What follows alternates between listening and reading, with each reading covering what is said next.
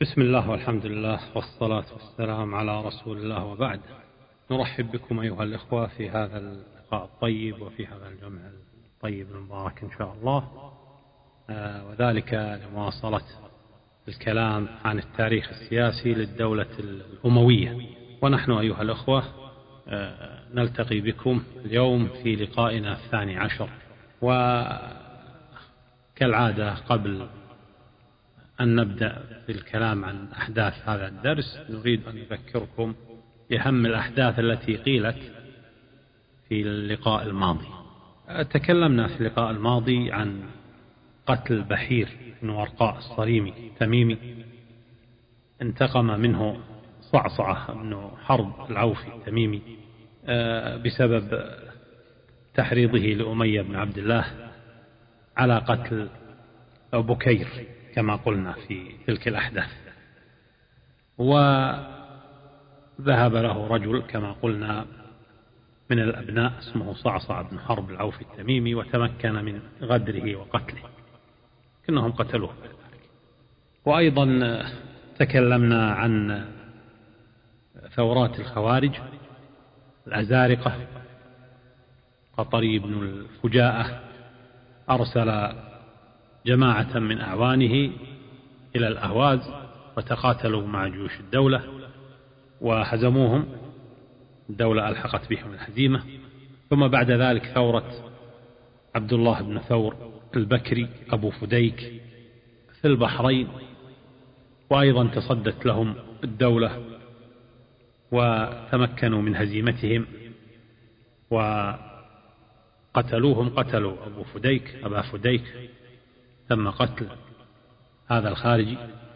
وأيضا كان من أهم الأحداث التي تكلمنا عنها في الحلقة الماضية مقتل عبد الله بن الزبير رضي الله عنه الصحابي الجليل. وبعد حصار شديد من الحجاج لمدة سبعة أشهر ونصبه المنجنيق على في مكة حول الكعبة وقصف الكعبة بالمنجنيق رماها بالمنجنيق. وتنكيله بالصحابة بعد أن قتل ابن الزبير وصلبه. وتنكيله بالصحابة عندما ختم أعناق بعضهم. مثل أنس بن مالك ختم يد جابر بن عبد الله رضوان الله عليهم. ثم قدوم الحجاج ابن يوسف إلى الكوفة. وما قال من خطبة نارية تهديدية توعد بها أهل العراق الذين كثر شرهم وخبثهم وخروجهم على الدولة.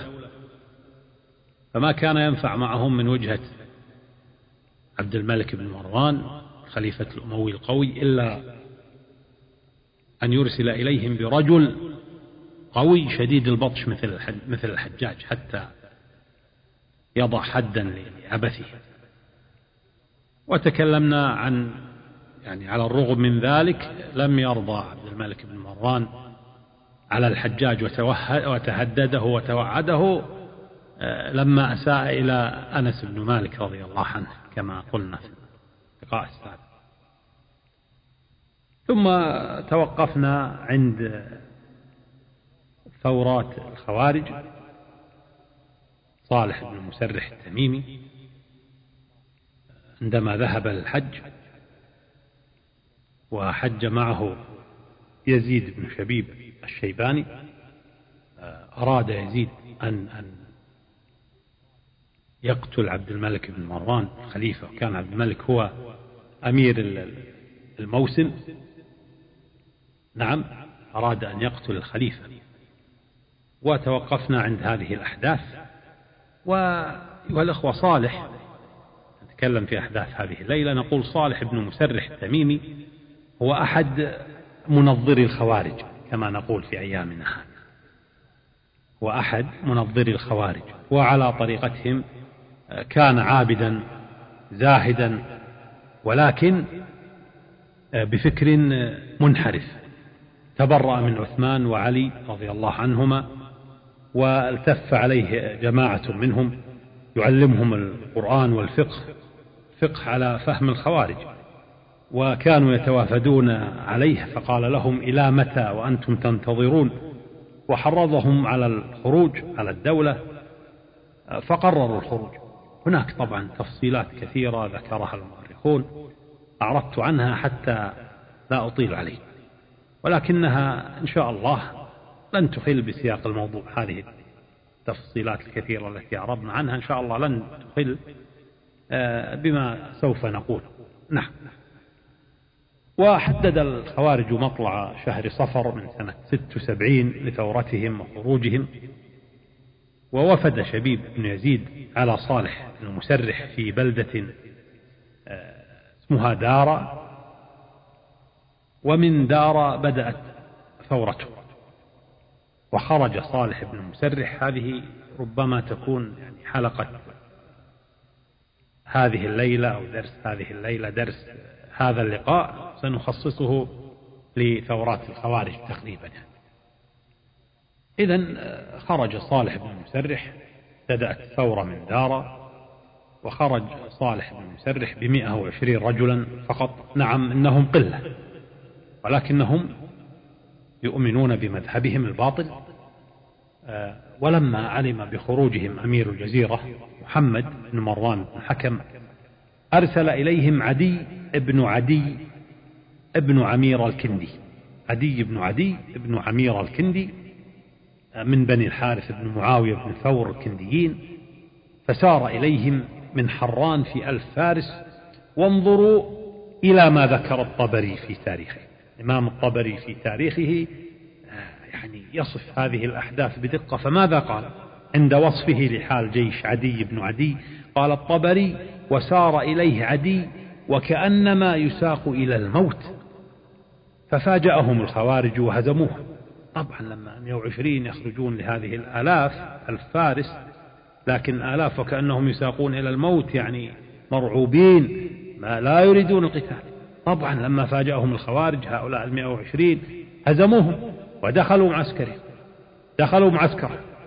وفر عدي بن عدي ومن معه حتى أتوا محمد بن مروان ثم أرسل لهم محمد بن مروان جيشا بقيادة خالد بن جز السلمي. كان خالد بن جز السلمي يقود هذا الجيش. جيش مكون من ألف وخمسمائة فارس أرسل لهم أيضا الحارث بن جعونة من بني ربيعة بن عامر بن صعصعة بمثلهم يعني أصبحوا الآن ثلاثة آلاف ثلاثة آلاف مقاتل لقتال هؤلاء الشرذمة.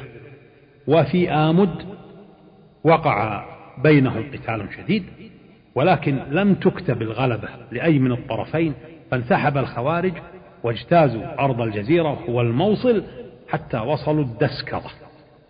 لما علم الحجاج بن يوسف ثقفي أمير العراق بأن الخوارج وصلوا الدسكرة بعث إليهم بثلاثة آلاف مقاتل بقيادة الحارث بن عميرة بن مالك بن حمرة بن ذي المشعار الحمداني. هذا هكذا ذكره الحمداني في كتابه الإكليل. الحمداني هكذا ذكره في كتابه الإكليل. ذكر نسب الحارث بن عميرة قال بأنه الحارث بن عميرة بن مالك بن حمرة بن ذي المشعار الهمداني والحارث بن عميرة من أشراف الكوفة والتقى الخوارج مع جيش الحارث بن عميرة في قرية اسمها المدبج من بلاد الموصل وكان مع صالح بن مسرح تسعون رجلا فقط وتسعون رجلا أيها الأخوة انظروا. ودار بينهم قتال شديد قتل به صالح بن مسرح فأخذ الخوارج جثته واجتمعوا في حصن قريب من مكانهم وبايعوا شبيب بن يزيد أميرا للمؤمنين حسب معتقدهم الفاسد ثم إن هؤلاء السبعين خارجيا بقيادة شبيب بن يزيد خرجوا من الحصن ليلا وهاجموا جيش الكوفة الذين تفاجأوا تماما بهذا الهجوم غير المتوقع. فوقع الاضطراب في المعسكر وجرح الحارث بن عميرة فحمله آه، رفاقه وفروا إلى المدائن. وكانت هذه المعركة في جمادى الأولى من سنة ست وسبعين. سار شبيب ابن يزيد ومن معه إلى الموصل وانضم إليه. سلامة بن سيار بن المضاء الشيباني من بني تيم بن شيبان. وشيبان هنا شيبان بن ثعلبة بن عكابة بن صعب بن علي بن بكر بن وائل وليس بني عمهم بنو شيبان بن ذهل بن ثعلبة بن عكابة بن صعب بن علي بن بكر بن وائل. ثم إن شبيبا ذهب إلى أمه وأخذها معه. وقال أبقيها معي في عسكري فلا تفارقني أبدا حتى أموت أو تموت. وأخذ شبيب وليس معه إلا عدد قليل من الرجال يعيثون في تلك الأرض فسادا وأخذوا يتنقلون بين الموصل وأذربيجان فأرسل إليهم الحجاج بن يوسف سفيان بن أبي العالية الخثعمي على رأس جيش كبير وأمره أن يذهب إلى الدسكرة لما نقول كبير كبير بالنسبة إلى تعداد الخوارج عدد جيش الخوارج. وأمره أن يذهب إلى الدسكرة ويقيم بها إلى أن يأتيه جيش الحارث بن عمير الحمداني وأصدر الأمر إلى جيش الحارث بأن يلتحقوا بسفيان بن أبي العالية في الدسكرة وكانوا في المدائن والكوفة فتوجهوا إلى الدسكرة تعجل سفيان بن أبي العالية في التحرك للحاق بشبيب من دون أن ينتظر وصول جيش الحارث بن عمير. وأعتقد بأن قرار ابن أبي العالية كان قرارا صائبا. لماذا؟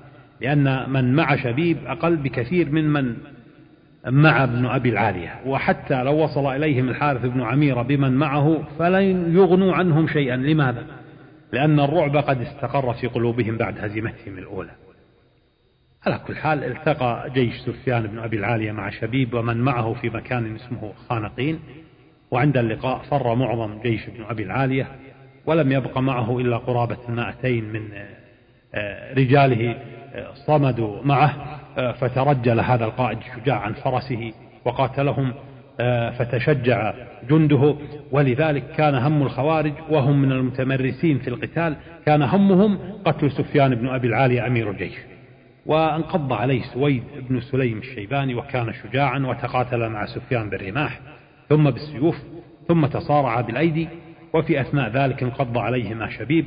ولكن أحد رجال الأمير أعطاه برذونا والبرذون نوع من الخيول سوف تصادفنا في هذا التاريخ والتواريخ الإسلامية كلها كلمة برذون البرذون نوع من الخيول آه، وفر من ميدان المعركة بعد أن أثخن بالجراح وذهب إلى مهروذ وأقام بها وكتب للحجاج بما حصل فكتب إليه الحجاج يثني عليه على شجاعته وقال له في كتابه آه، إليه لما كتب له الحجاج قال له إذا خف عنك الوجع فارجع مأجورا إلى أهلك. سر بما فعل وطلب منه أن يستريح طبعا آه، يرجع إلى أهله. آه، أمر الحجاج ابن يوسف ثورة ابن أبجر ابن نافع ابن العرباض الدارمي التميمي بقتال شبيب وأمره بأن يتوخى الحذر ويحسن المكيدة فسار ثوره يلاحق شبيب حتى لحقه بالنهروان ولم يكن مع شبيب إلا أكثر من مئة رجل بقليل. وحاول ثورة بن أبجر بثلاثمائة رجل انتخبهم من جيشه أن يباغت الخوارج ولكنهم كانوا على حذر فهزموا ثورة ومن معه وفروا حتى وصلوا المدائن فتبعهم الخوارج ولكنهم دخلوها قبل أن يلحقوا بهم فرماهم الناس بالنبل وبالحجارة من فوق السطوح فذهب شبيب ومن معه إلى تكريت وانتشرت في أثناء ذلك إشاعة بين المحاصرين.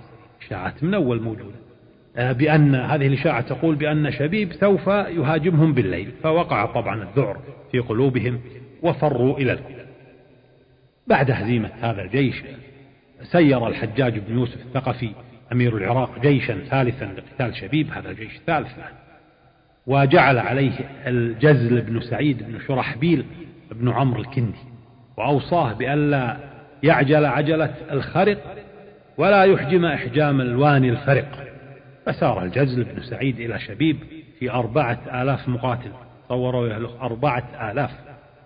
وكان حذرا في مطاردته لشبيب ولم يكن مع شبيب آه، إلا 160 رجلا تقريبا. ما كان معه إلا هؤلاء. 160 رجلا كانوا معه. وكان جيش الكوفة نازلا. في دير يزدجر وحدثت هناك مناوشات لم تسفر عن شيء ثم إن الجزل لحق بشبيب إلى النهروان وذلك بعد أن عنفه الحجاج على تباطؤه في الاشتباك مع شبيب وأرسل سعيد بن المجالد ليكون اميرا بدلا عنه. لا بد من التصدي للخوارج بكل عزم وقوة وإصرار لأنهم على الرغم من قلتهم كانوا يثيرون الاضطراب في الدولة.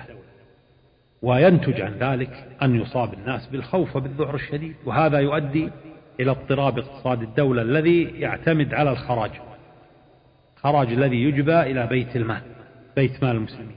ومعظم الخراج يعتمد على الزراعة والمزارعين لا يستطيعون العمل في ظل الرعب الذي أوقعه الخوارج في قلوبهم. سعيد بن المجالد لم يكن له علم بحرب الخوارج وكان قد حاصرهم في مدينة اسمها قطيطيا. مدينة اسمها قطيطيا فخرج إليه شبيب بمن معه وقال لجماعته عليكم بأمير الجيش هذا التكتيك الناجح. وتمكن الخوارج من هزيمة جيش الكوفة وثبت سعيد بن المجالد فتقدم إليه شبيب وضربه بالسيف على رأسه فقتله. وانهزم الجيش وقتل منهم الخوارج الكثير وفر المنهزمون إلى الجزل وكان قد أقام في المعسكر في بقية الجيش بأمر سعيد بن المجالد فلما وصل المنهزمون إلى الجزل ترجل عن فرسه وقاتل الخوارج آه، كعادتهم آه، قتالا باسلا وأصيب الأمير جيش العراق الجزل بجراح بالغة ولكنهم حملوه إلى المدائن وحلت الهزيمة بجيش الكوفة وفروا إلى مدينتهم إلى الكوفة. بعد أن أوقع شبيب بن يزيد الهزيمة تلو الأخرى بجيوش الحجاج عبر دجلة وسار إلى الكوفة حيث مقر الحجاج بن يوسف أمير العراق فأرسل إليه الحجاج ألفي فارس عليهم سويد بن عبد الرحمن السعدي التميمي قال الطبري عن هذا الجيش قال نفس الكلام قال فخرجوا للقاء شبيب وكأنما يساقون إلى الموت ثم إن الحجاج ابن يوسف أيها الأخوة جهز عبد الرحمن بن قطن بن عبد الله بن الحصين ذي الغصة فخرج بجيش من أهل الكوفة وهم في غاية الذعر وعسكر بالسبخة في القرب من الكوفة وقام سويد بن عبد الرحمن السعدي بمطاردة شبيب وشبيب يعيث في كل أرض يمر بها فسادا بل حتى الأعراب من قومه في الصحراء لم يسلموا من شره وبطشه. قرر الحجاج أن يذهب إلى البصرة واستخلف على الكوفة عروة بن المغيرة بن شعبة ولكن عيون الحجاج أو استخبارات الدولة أبلغوا عروة بن المغيرة بأن شبيب يريد أن يهاجم الكوفة فأرسل إلى الحجاج يخبره بهذه الأنباء الخطيرة فعاد الحجاج من فوره إلى الكوفة ودخلها مع صلاة الظهر ووصل شبيب إلى السبخة عند صلاة المغرب ثم تحرك وأصحابه من السبخة ودخل الكوفة ودخل سوقها ثم ذهب هذا الخارجي الذي لم يجد من يوقفها عند حده إلى قصر الإمارة وضرب باب القصر بعمود كان معه ولعله عمود الحديد الذي كان يقاتل به. ذكر الطبري في تاريخه إن رجلا قال بأنه شاهد ضربة شبيب بباب القصر قد أثرت أثرا عظيما.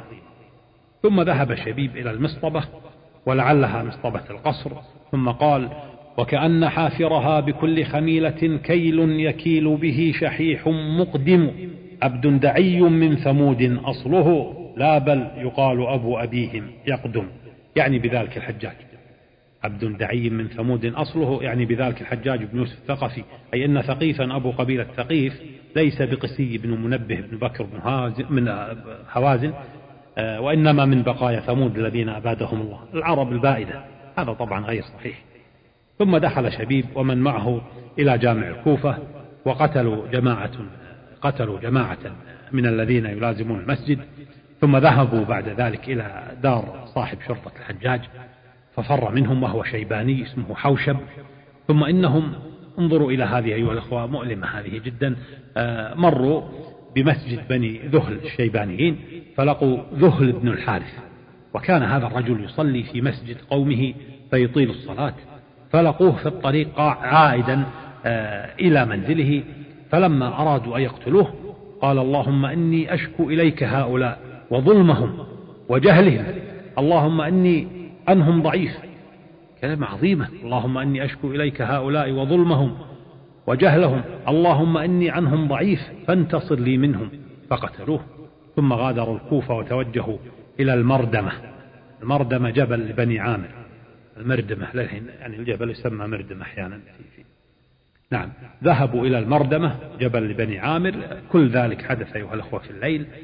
وبعد هذه الأحداث المثيرة أمر الحجاج بن يوسف المنادي فنادى في الناس فتوافدوا عليه. وكان أول من جاءه عثمان بن قطن ومعه مواليه وجماعة من أهله. وطبعا الآن خلص جهز الحجاج بن يوسف أربعة ألوية لقتال شديد أربعة جيوش قتال شديد بعث بشر بن غالب بن مالك بن جناد الأسدي في ألفي رجل وزائدة بن قدامة الثقفي في ألفي رجل وأبا الضريس مولى بني تميم في ألف من الموالي وأعين مولى بشر بن مروان في ألف رجل هذا الآن ستة آلاف عندنا ثم انضم إلى هؤلاء محمد بن موسى بن طلحة بن عبيد الله التيمي القرشي محمد بن موسى بن طلحة هذا نقول لكم أي وكذلك أرسل الحجاج مع هؤلاء القادة عبد الأعلى بن عبد الله بن عامر بن كريز العبشمي القرشي وزياد بن عمرو العتكي الأزدي محمد بن موسى بن طلحة كان في طريقه إلى سجستان ولايته التي نصبه عليها عبد الملك بن مروان وكان عبد الملك قد أمره بأن يمر بالكوفة وكتب إلى الحجاج بأن يبعث معه بألفي فارس. ولكن الحجاج في هذه الظروف الصعبة الشديدة طلب من محمد بن موسى أن يقاتل معهم الخوارج ثم يذهب إلى ولايته ففعل محمد بن موسى. وبانضمام عبد الأعلى بن عبد الله بن عامر وزياد بن عمرو ومحمد بن موسى بن طلحة يكون في هذا الجيش سبعة من أمراء الجند. جيش به سبعة قادة جيش كبير.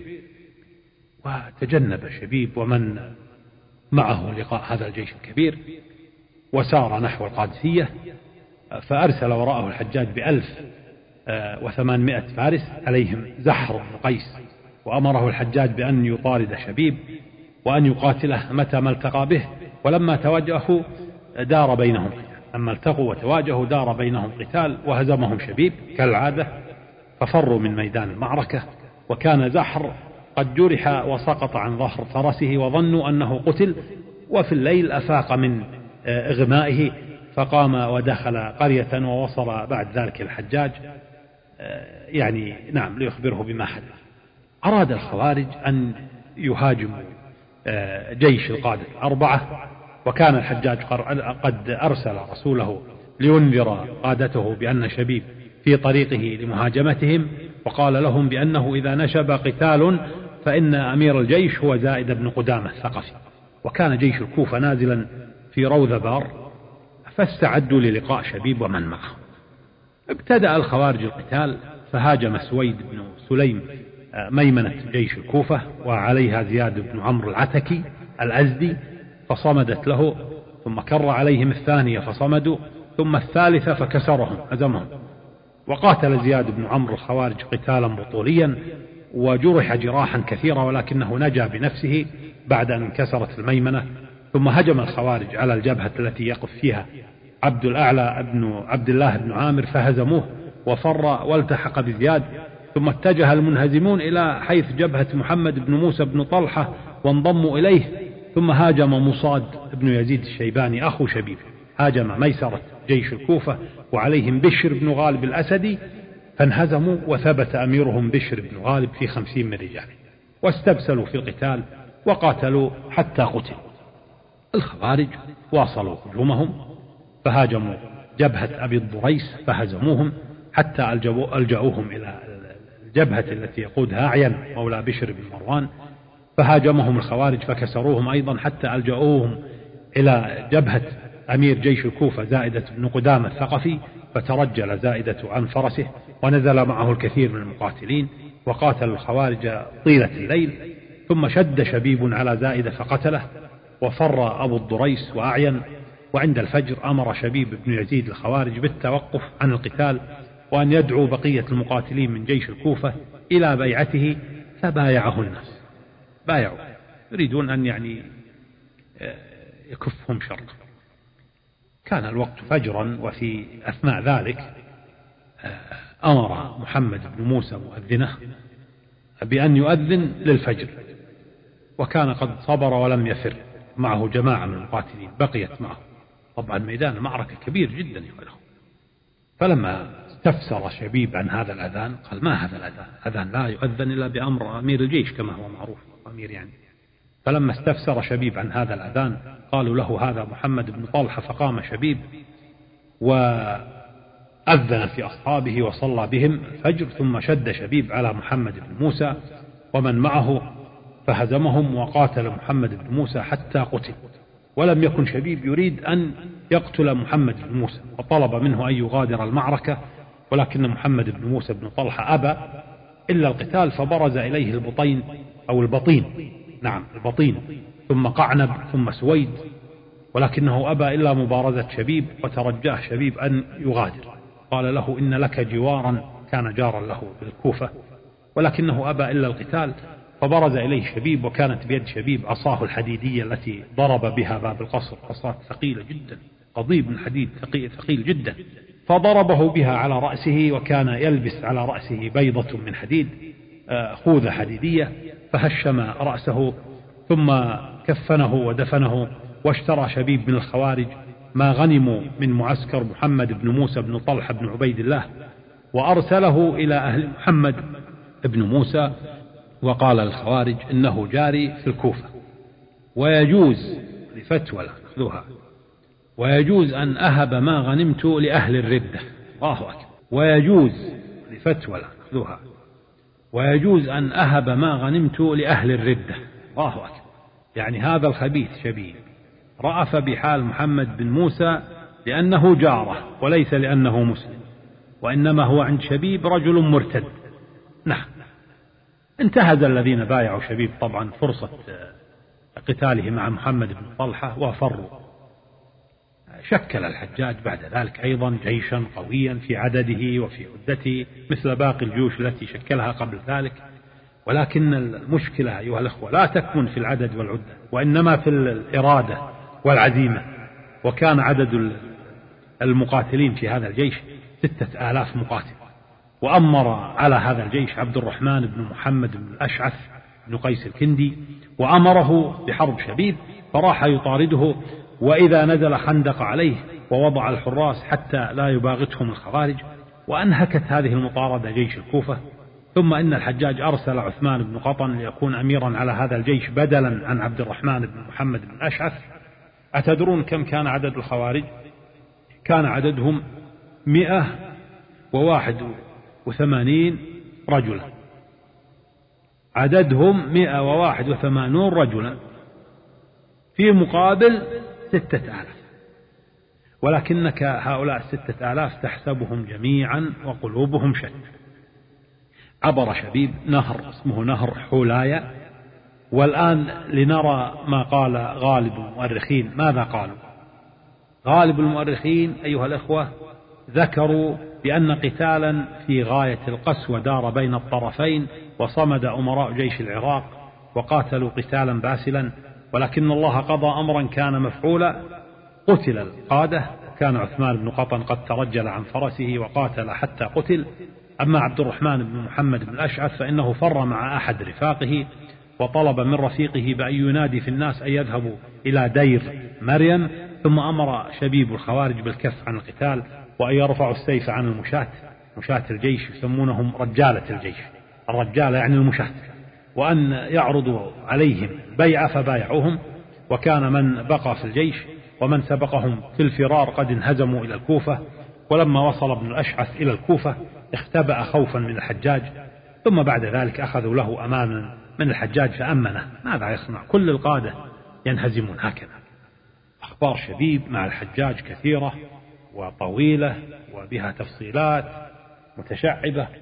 لكن نقول بعد هزيمة جيش عبد الرحمن بن محمد بن الأشعث استنفر الحجاج بن يوسف ومعظم أهل الكوفة شيبا وشبانا فخرج له آه، خمسون ألفا كما يقولون. أمر عليهم عتاب بن ورقاء التميمي وأرسل معهم آه، الصحابي الجليل زهرة بن حوية التميمي رضي الله عنه. وزهرة أيها الإخوة بن حوية رضي الله عنه من بني جشم بن الحارث بن كعب بن سعد وزهرة بن حوية حتى نذكركم بتاريخ هذا هذا الصحابي الجليل. زهرة بن حوية رضي الله عنه هو الذي قتل الجالينوس القائد الفارسي الشهير في معركة القادسية التي جرت في شعبان من سنة خمس عشرة من الهجرة. وكان زهرة على مقدمة جيش المسلمين الذي يقوده الصحابي الجليل سعد بن أبي وقاص رضي الله عنه. الحجاج أرسل معهم زهرة بن حوية التميمي لكي يستهدون برأيه وكان شيخا كبيرا جليلا طاعنا في السن.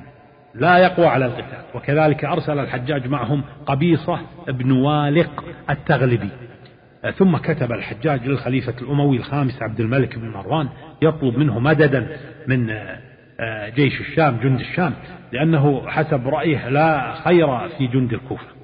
فأرسل إليه عبد الملك بن مروان بأربعة ألاف مقاتل عليهم سفيان بن الأبرد الكلبي وحبيب بن عبد الرحمن المدحجي على رأس ألفين من المقاتلين وسار جيش الكوفة الكبير هذا في عدده والتقوا مع الخوارج في مكان اسمه سوق حكمة وكان ذلك في سنة 77 وكان مع شبيب 600 مقاتل فقط وعند أول لقاء فر الكوفيون.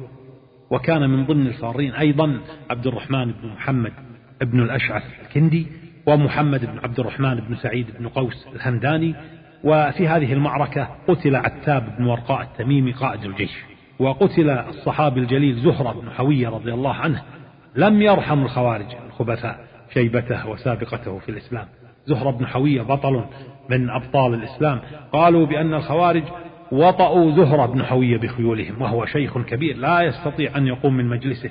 كان جالسا فأخذ يذب بسيفه فجاءه الفضل بن عامر الشيباني وقتله. آه، كان الخوارج أيها الأخوة قد قتلوا قبيصة بن والق التغلبي قتلوا قبيصة بن والق التغلبي وكان شيخا أيضا كبيرا جليلا. واستمعوا أيها الإخوة إلى هذا الحوار أريد أن يعني آه، أريدكم أن تستمعوا إلى هذا الحوار بين شبيب بن يزيد ومن معه من الخوارج حتى تتعرفوا على فكر هؤلاء المارقين من الدين.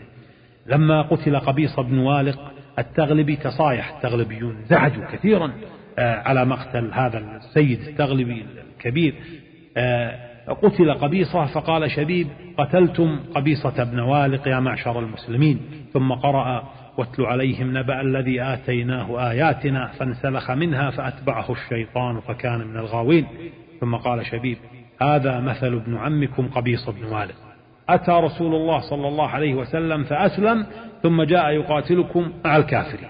ثم وقف يخاطب قبيص القتيل ويقول ويحك لو ثبت على إسلامك الأول سعدت. انظروا إلى هذا الفكر الخطير المنحرف. فإذا كان هذا فعلهم مع الصحابة رضوان الله عليهم ومع أبطال الإسلام فماذا تتوقعون منهم مع عامة المسلمين هؤلاء هم الخوارج أيها الأخوة. نعم. لما وصل جيش الشام المهزوم إلى الكوفة صعد الحجاج بن يوسف الثقفي على المنبر وقال أما بعد يا أهل الكوفة فلا أعز الله من أراد بكم العز ولا نصر من أراد بكم النصر اخرجوا عنا. ولا تشهدوا معنا قتال عدونا. الحقوا بالحيرة فانزلوا مع اليهود والنصارى. لماذا ينتصر هؤلاء الخوارج على الرغم من ضلالهم المبين؟ هذا سؤال يسأل. نعم دائما ينتصرون الآن. ما في أبدا. ولماذا ينهزم أمامهم أهل الكوفة على الرغم من كثرتهم؟ سوف أروي لكم هذه الحادثة التي ربما توضح لكم الفرق بين الطرفين. يقولون في أثناء تنقل شبيب في البلاد نزل بالقرب من بلدة اسمها سورة. فقال لجماعته أيكم يأتيني برأس عامل سورة أمير سورة؟ نبي رأس أمير سورة. طبعا يذبحون كافر عندهم. فخرج لتنفيذ هذه المهمة خمسة من أصحابه. دخلوا على عامل سورة وقتلوه وجاءوا برأسه وأخذوا ما وجدوا من مال وعادوا إلى شبيب. فلما سألهم ما الذي أتيتمون به؟ قالوا جئناك برأس الفاسق. وما وجدنا من مال. جئناك برأسه وما لقينا المال جبناه لك. وكان المال محمل على دابة موضوعا في البدر. البدر يعني الأكياس. فأخذ شبيب بن يزيد حربة وقال أتيتمونا بفتنة للمسلمين؟ وأخذ يخرق البدر بالحربة وطرد الدابة فنفرت والمال يتناثر من البدر المخرقة. هذا يرينا أيها الأخوة أنه على الرغم من ضلالهم المبين أيضا كانوا زهادا في الدنيا في الوقت الذي يقبل خصومهم من أهل العراق على الدنيا وملذاتها. ولذلك فإن الخوارج عند اللقاء يقاتلون من أجل الشهادة أو النصر. بينما جيش العراق وهم من المتنعمين بنعيم الدنيا في بلدهم العراق الغني بخيراته ومن المتذمرين على الأمويين في الشام لأنهم ليسوا بأهل طاعة لولي الأمر الخليفة في دمشق. أهل العراق يقاتلون ويفرون عند اللقاء. ولذلك لما جاءهم جند الشام المعروف عنهم طاعتهم المطلقة للخليفة الأموي استطاعوا أن يهزموا الخوارج ويشتتوا شملهم. نعم. شبيب تقدم إلى الكوفة بقواته يريد أن يهاجمها هذه هي المرة الثانية التي يهاجم فيها شبيب الكوفة. ونزل شبيب ومن معه في مكان اسمه حمام أعين نسبة إلى أعين مولى بشر بن مروان. وكان الحجاج موجودا في الكوفة أرسل الحجاج بن يوسف إلى شبيب بن يزيد قوة من ألف رجل عليهم الحارث بن معاوية بن أبي زرعة ثقفي فبادره شبيب بالهجوم وقتله وهزم أصحابه ففروا إلى الكوفة ثم عبر يزيد الجسر ونزل بالسبخة هذه وأقام معسكره وفزع أهل الكوفة للدفاع المرة دخل عليهم مدينتهم ففزع أهل الكوفة للدفاع عن, عن, عن مدينتهم عن بيوتهم فوقفوا بسلاحهم وكامل عدتهم يحمون مداخل السكك المؤدية إلى بيوتهم وكذلك فعل رجال الحجاج. ثم أن الحجاج أمر أحد مواليه واسمه أبو الورد فخرج بقوة من الجند لقتال شبيب ولكن شبيبا أيضا هزمهم وقتل أبا الورد. ثم أخرج له الحجاج قوة أخرى على رأسها غلام طهمان فهزمهم أيضا شبيب وقتل طهمان. ودخل شبيب الكوفة مرتان المرة الأولى التي ضرب بها باب القصر بعمود الحديد إذا تذكرون. نعم وهذه المرة في هذه المرة دخل شبيب الكوفة لكي تبر زوجته غزالة بقسمها. وكانت امرأته غزالة قد أقسمت أن تصلي في جامع الكوفة ركعتين تصلي في الأولى بالبقرة وفي الركعة الثانية بآل عمران فبرت بقسمها. طبعا هذا منتهى الشجاعة جنونية هذه لكن هذا ما حدث. لكن الحجاج قائد أيها الأخوة. هذا الخبيث قائد. نعم. على خبثيل أنه قائد كبير. ما في شك في ذلك. لما رأى الحجاج ما حل بكتائبه وقبل أن يدخل مع شبيب والخوارج بالمعركة الفاصلة دعا الحجاج أهل الرأي والمشورة إلى مجلسه وقال لهم أشيروا علي. فلم يتكلم منهم أحد. هيبة حجاج مخيف من يقدر يكلم؟ لم يتكلم منهم أحد. وتقدم رجل وقال إن أذن لي الأمير تكلمت. قال له الحجاج تكلم. فقال إن الأمير والله ما راقب الله ولا حفظ أمير المؤمنين ولا نصح للرعية. بس الكلمتين ثم عاد الرجل وجلس في مجلسه. جلس على كرسيه. فقال الحجاج من المتكلم؟ فخرج الرجل وإذا هو قتيبة بن مسلم الباهلي. فقال الحجاج ما سبق أن قاله له في المرة الأولى؟ فقال له الحجاج وكيف ذاك؟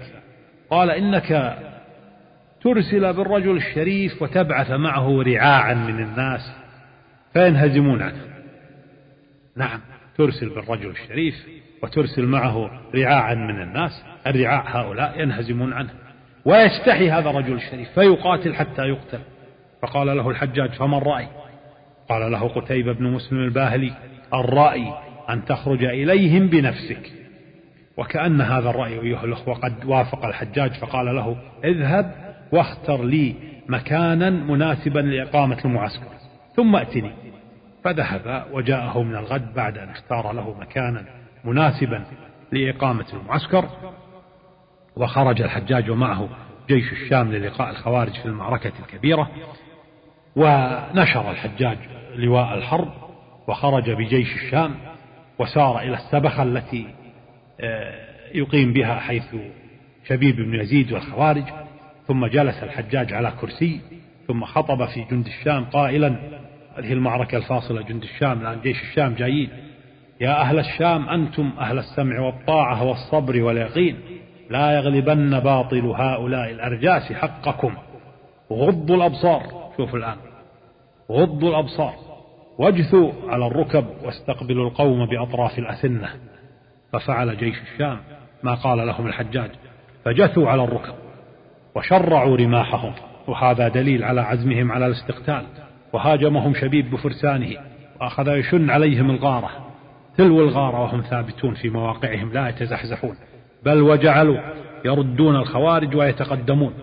وحاول معهم شبيب بكل طريقة ولكن كل ذلك لم يجدي نفعا مع جيش الشام ولم يزد شبيب ومن معه من الخوارج الخبثاء إلا خذلانا وخيبة أول مرة يشاهدون قتال مثل هذا القتال.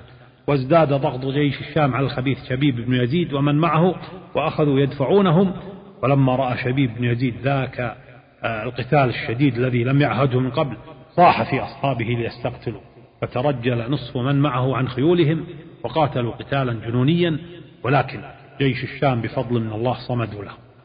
وفي هذه اللحظات الحرجة طلب خالد بن عتاب بن ورقاء التميمي من الحجاج أن يأذن له بالهجوم على معسكر شبيب وكان خالد بن عتاب يريد أن يثأر لمقتل أبي حتاب بن ورقاء فأذن له الحجاج فهاجمه خالد بن عتاب وقتل مصاد بن يزيد أخو شبيب وهو من زعمائهم وقتلت غزالة امرأته وقطعوا رأسها وأحرقوا المعسكر فلما شاهد الخوارج النار في معسكرهم انهزموا ولاحقهم المسلمون يطاردونهم الخوارج شجعان نعم هذا صحيح ويقاتلون بمثاله وهذا أيضا صحيح ولكنهم يهزمون إذا كان من يقاتلهم بمثل صمود وشجاعة جيش الشام. أرسل الحجاج بن يوسف أيها الأخوة آه ثلاثة آلاف من جند الشام بقيادة حبيب بن عبد الرحمن الحكمي المدحجي وأوصاه الحجاج بأن يتوخى الحذر حتى لا يباغته شبيب ومن معه من الخوارج. ونزل حبيب بن عبد الرحمن في الأنبار وبث الحجاج بين الخوارج من أنصار شبيب بأن من جاءنا منكم فهو آمن. وهذا أدى إلى انشقاق بين شبيب ومن معه وتركه الكثير منهم ولم يبق معه إلا كلاب أهل النار. وحاول شبيب ومن معه أن يباغتوا جيش الشام ولكنهم كانوا على أتم الاستعداد لهم ونشب بينهم قتال شديد قتل من الخوارج ثلاثون ومن الشاميين ماءه ولم يتمكن شبيب من زعزعة صفوفهم فانصرف عنهم وقد أصيب الخوارج بانكسار شديد لأنهم لم آه، يعرفوا قتالا مثل هذا القتال. واصل الخوارج المنهزمون طريقهم إلى كرمان الحجاج بن يوسف أيها الأخوة أكرم القادة والجنود إكراما بالغا على البسالة التي أبدوها آه، في قتالهم للخوارج. ثم جهز الحجاج بن يوسف الثقفي جيشا لحرب شبيب بن يزيد وأمر عليه سفيان بن الأبرد الكلبي. ثم كتب الحجاج إلى عامله على البصرة الحكم بن أيوب بن الحكم بن أبي عقيل الثقفي يأمره بأن يرسل إلى سفيان بن الأبرد الكلبي أربعة آلاف مقاتل من أهل البصرة مددا له فأرسلهم إليه وأمر عليهم زياد بن عمرو العتكي الأزدي والتقى سفيان بن الأبرد وشبيب في جسر دجيل وعبر شبيب الجسر إلى حيث سفيان ومن معه وكان سفيان بن الأبرد قد نزل برجاله واستعدوا للقتال فكر عليهم شبيب والخوارج أكثر من ثلاثين كرة هجموا على جيش سفيان أكثر من ثلاثين مرة. كروا عليهم أكثر من ثلاثين كرة وجند الشام ثابتون في مواقعهم لا يتزحزحون. ثم أخذ جند الشام يتقدمون ويدفعون الخوارج باتجاه الجسر وتقاتلوا أشد قتال قتال رهيب حتى انسحب الخوارج عند حلول الظلام. وعبروا الجسر واضطرب في روايات عديدة كيف سقط من الجسر شبيب لكن اضطرب حصان شبيب على الجسر. وسقط شبيب في الماء وغرق ويقال بل كانت جماعة من الخوارج من أنصار شبيب هم الذين قطعوا الجسر فاضطرب الحصان وسقط بالماء. فعلوا ذلك لأنه قتل الكثير من قومهم فاتفقوا على أن يأخذوا بثأرهم منه وذلك عن طريق قطع الجسر به ففعلوا. ولما سقط بالماء وكان دارعا يلبس درعا ثقيلة لم يستطع أن يخرج من الماء فغرق. وفي الصباح أخرج الشاميون جثته آه، هلك هذا الخارجي الخبيث المجرم عن 52 سنة. كان عمره 52 عاما. أمه سبية رومية أسلمت بعد ذلك. نعم هذه أحداث مثيرة أيها الأخوة آه، من ثورة الخوارج التي قادها شبيب بن يزيد الشيباني. في سنة 77 كان خروج مطرس بن المغيرة بن شعبة وكان الحجاج قد أمره آه، بأن يذهب إلى المدائن آه، واليا عليها ولكنه خرج على عبد الملك بن مروان وعلى الحجاج بن يوسف بسبب أنهما كما يقول جبارين يستأثران بالفيء جبارين يستأثران بالفيء يعني الأموال التي تجبى ويأخذان بالظنة ويقتلان على الغضب ولم يكن ابن المغيرة على عقيدة الخوارج. مطرف بن المغيرة بن شعبة عندما خرج لم يكن على عقيدة الخوارج ولكنه كان من الخارجين على الدولة من المفارقين الجماعة. فأرسل إليه الحجاج أرسل إليه لقتاله أرسل له عدي بن وتاد الإيادي أمير الري وأمده بالرجال وكان جيشه مكون مما يقارب ستة آلاف رجل وكان مطرف بن المغيرة قد ارتحل برجاله آه، ونزل في نواحي قم وقاشان وأصفهان أو أصبهان كما يسمونها كانوا يعني يسيرون بتلك النواحي وخرجوا بتلك النواحي وهناك دارت معركة كبيرة وهزم مطرف ابن المغيرة بن شعبة ومن معه وقتل مطرف قتله عمر بن هبيرة الفزاري. عمر بن هبيرة هذا سوف يكون له شأن في تاريخ الدولة الأموية كما سوف نتكلم بعد ذلك. في هذه السنة أيضا أيها الأخوة كانت حروب المسلمين مع الخوارج الأزارقة من أتباع قطري بن الفجاءة المازني التميمي وكانوا يسيطرون على كرمان والمهلب يحاصرهم ويلاحقهم ويضيق عليهم الخناق وكان المهلب يسيطر على فارس ودارت بينهم معارك طاحنة ولكنها ليست فاصلة وقاتلهم المهلب بجيرفت كان اسمه جيرفت لأكثر من سنة وجيرفت هي مدينة كرمان أو عاصمة كرمان واستاء الحجاج من المهلب لأنه لم يحسم القتال مع الأزارقة وبعث إليه بالبراء بن قبيصة يحثه على القضاء عليهم فلما شاهد البراء قتال المهلب معهم عاد وأخبر الحجاج بذلك أن المهلب يعني قد بذل أقصى آه، ما عنده في قتال الخوارج نعم لم يتوانى في قتالهم ثم أيها الأخوة حدث أن رجلا من الأزارقة من بني ضبة اسمه المقعطر قتل رجلا من الأزارقة فجاء الخوارج إلى قطري بن الفجاءة وطلبوا منه أن يسلمهم المقعطر طلبوا منه أن يسلمهم المقعطر ليقتلوه بصاحبه ولكن قطريا أبى وقال إنه تأول فأخطأ طبعا فتاواهم رهيبة على طول يطلع الفتوى ما يقدر يقول ما أعرفه وما أدري هذا عيب عندهم. ما يثقون فيه إذا تردد لازم يطلع الفتوى. فقال طلع فتوى قال يعني تقتل رجل كيف يعني؟ تأول فأخطأ في التأويل ورفض أن يسلمهم إياه. فحدث بينهم بسبب ذلك انشقاق خطير. حدث انشقاق خطير في صفوف الخوارج وبايعوا رجلا منهم اسمه عبد ربه الكبير. وهو من بني تميم من بني عوف بن كعب بن سعد ولم يبق مع قطري بن الفجاء إلا قرابة الربع منهم وتقاتلوا فيما بينهم قتالا شديدا لمدة شهر تقريبا ثم ارتحل قطري بمن معه إلى طبرستان وانتهز المهلب هذه الفرصة العظيمة فقاتل عبد ربه ومن معه وسحقهم وقتل من الخوارج ما يقارب الأربعة آلاف وقتل عبد ربه الكبير زعيمهم وسبى المهلب نساءهم لأنهم قبحهم الله كانوا يسبون نساء المسلمين. هذا شأن. انظروا إلى الفتنة التي أحدثوها. يكفرون المسلم. إذا كفرت المسلم عرفت؟ أصبح كافرا. تستحل دمه وماله وعرضه. لا حول ولا قوة إلا بالله. كانوا يسبون نساء المسلمين ولذلك سبى نساء المهلب بن أبي سفيان أرسل الحجاج بن يوسف بعد ذلك جيشا بقيادة سفيان بن الأبرد الكلبي. سفيان بن الأبرد الكلبي هذا قائد كبير من قادة جيش الشام. أرسله آه، لقتال قطري بن الفجاء في طبرستان. أرسله الحجاج وأمده بإسحاق بن محمد بن الأشعث وكان على رأس جيش في طبرستان هذا إسحاق بن محمد بن الأشعث. ولحقوا قطري بن الفجاء ومن معه في أحد شعاب طبرستان لحقوا بهم في أحد شعاب طبرستان ودار القتال آه، بين الطرفين وتفرق عنه أصحابه عن قطري.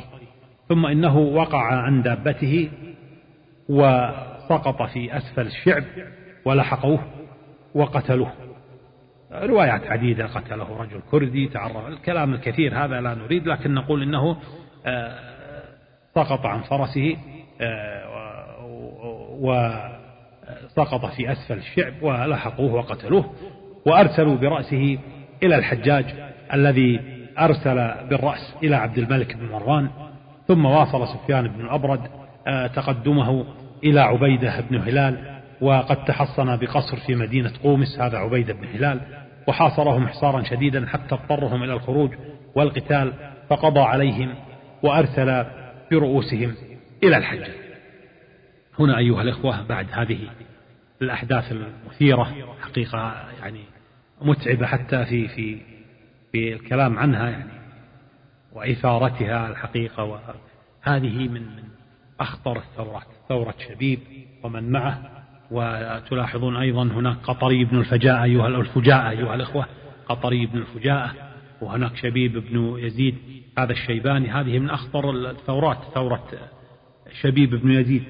قتل المسلمين وروعهم وألحق يعني اضطرابا وخرابا ودمارا في في الولايات الإسلامية يعني في العراق وفارس آه، وكان شره آه، على المسلمين وخطره كبيرين يعني كما آه، تشاهدون كان شره كبيرا وكان خطره كبيرا. يعني نعم كان شره وخطره على المسلمين كبيران لا شك في ذلك. نعم. فبعد القضاء على هذه الثورة كأن الأمور هدأت من ناحية ثورات الخوارج وسوف تلاحظون أنهم لم يخرجوا بعد ذلك إلا إلا لما ضعفت الدولة الأموية. آه، هكذا أيها الأخوة آه، نلاحظ أن عبد الملك بن مروان خليفة الأموي الخامس قد آه، بسط سيطرته على الولايات الإسلامية وسيطر على أطرافها وثبت ولاته هناك وسوف نتوقف هنا أيها الإخوة. وجزاكم الله خير على حسن استماعكم وعلى صبركم معنا في متابعة هذه الأحداث المثيرة. وإن شاء الله سوف نلتقي آه، في موعد آه، يحدد لاحقا آه، لتكملة الكلام عن التاريخ السياسي للدولة الأموية. وبارك الله فيكم.